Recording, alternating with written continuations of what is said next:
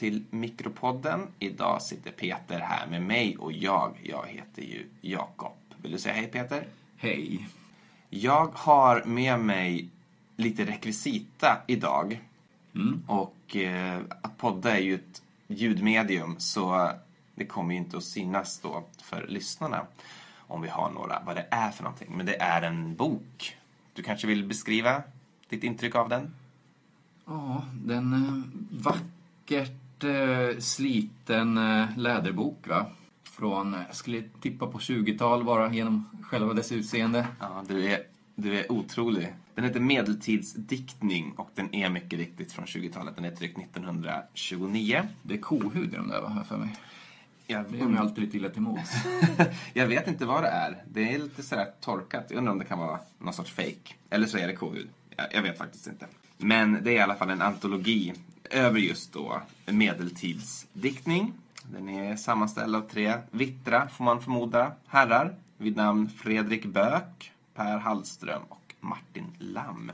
Jag eh, brukar bläddra i den här boken ibland, men jag brukar inte komma så långt som till själva dikterna, utan jag har bara egentligen läst det här förordet. Och det här förordet, jag tycker det är så fascinerande.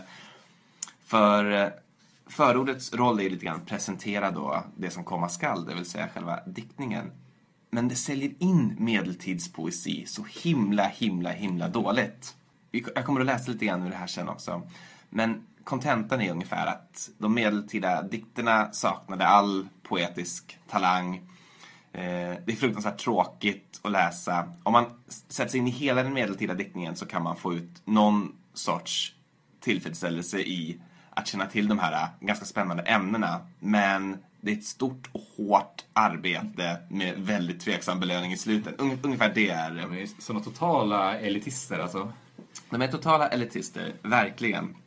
Eh, Men jag kan också tycka att det finns någonting lite uppfräschande i det här. Vi jobbar ju med litteraturförmedling båda två, som bibliotekarier. Ja, visst. Och eh, både vi och eh, andra i vår bransch, vi liksom är lite nästan, gör oss löjliga. Vi är så underdåniga och lismande inför litteraturen och dess läsare. Och jag känner att den här förordet, det genomsyras av en sån självrespekt inför det, litteraturen på något sätt. är det som motsatsen till en sån här, heter det blurb? Ja, det kan man säga. sitter på, på Just framsidan med, när Lasse Berghagen har sagt om, vad var det, hundraåringen? Mm. Den bästa boken jag någonsin läst. Lasse Nej. Berghagen. Exakt. Det, det är väl motsatsen till det kan man säga.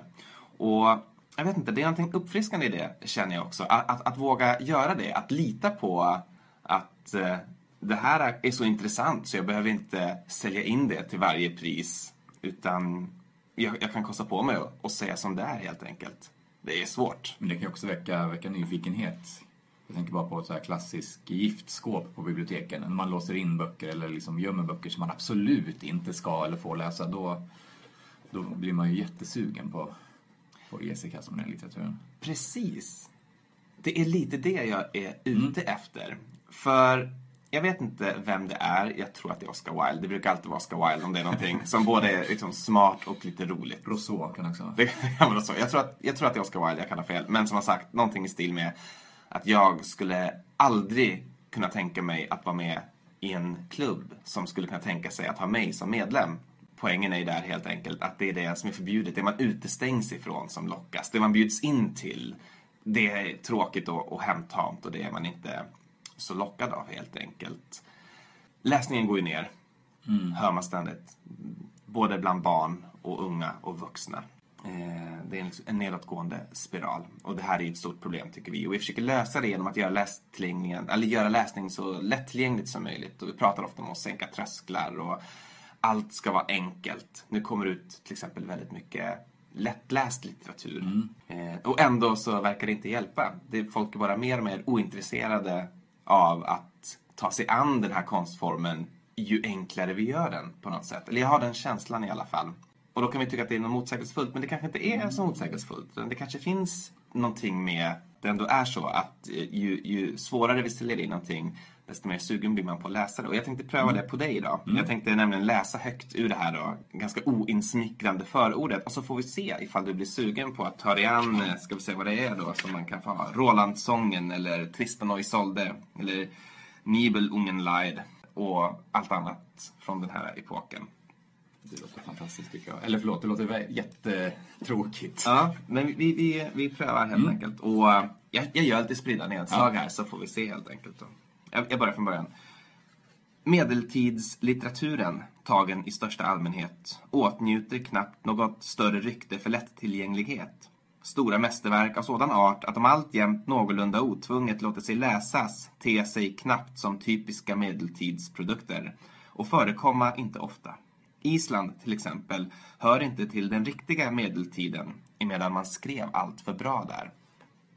Hur känner du hittills? Det är en så bra definition av medeltidslitteratur. Det är bara så här, är den dålig, då är det det är den dåliga litteraturen.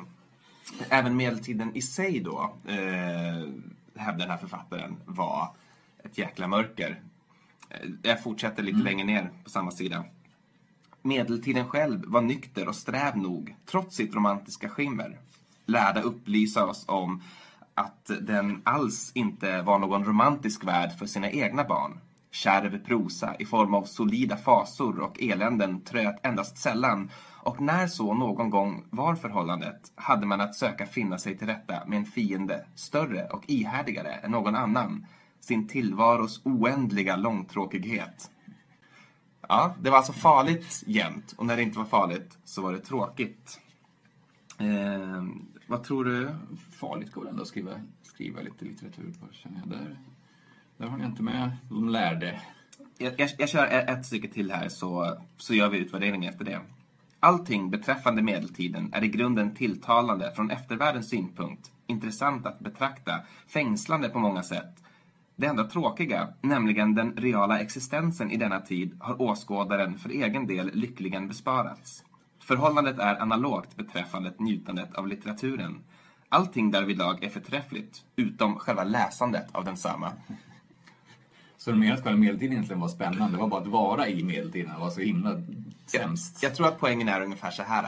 Det är ju kul att höra om riddare, eller man kan tänka sig att riddarna runt runda bordet, de hade det säkert roligt. Men det var svintråkigt att vara riddare. För att det var farligt, och man dog hela tiden. Och om man inte gjorde det så var det tråkigt. Och lite samma med litteraturen. Man tänker sig att, herregud vad spännande, ska vi läsa om ett medeltida fältslag och en, och en stor kärlekshistoria i Tristan och Isolde till exempel. Men sen när man väl börjar läsa de här raderna så inser man att eh, själva läsningen är ju fruktansvärt tråkig. Jag tror att de hade ändrat sig om de hade sett Game of Thrones. Alltså. Men eh, jag blir jättesugen på att läsa på riktigt. blir jag det? måste låna, vad, vad roligt. låna händerna här. Det är ju den slutsats jag hade hoppats på. Ja men vad bra. Då tycker jag att det här får bli startskottet för en ny sorts attityd till litteraturförmedling. Alla bibliotekarier och förlagschefer och förordsskrivare där ute, ta till er det här. Håll inte på och fjäska. Det är ingen som tycker om er för det. Säg som det är. Litteratur är skittråkigt. Men för oss som kan så är det underbart. Och inte ha nått någon sorts nivå av läsning. För alla er andra, ni kan, ni kan strunta i det tycker jag. Exakt. Jag får nog klippa det lite grann.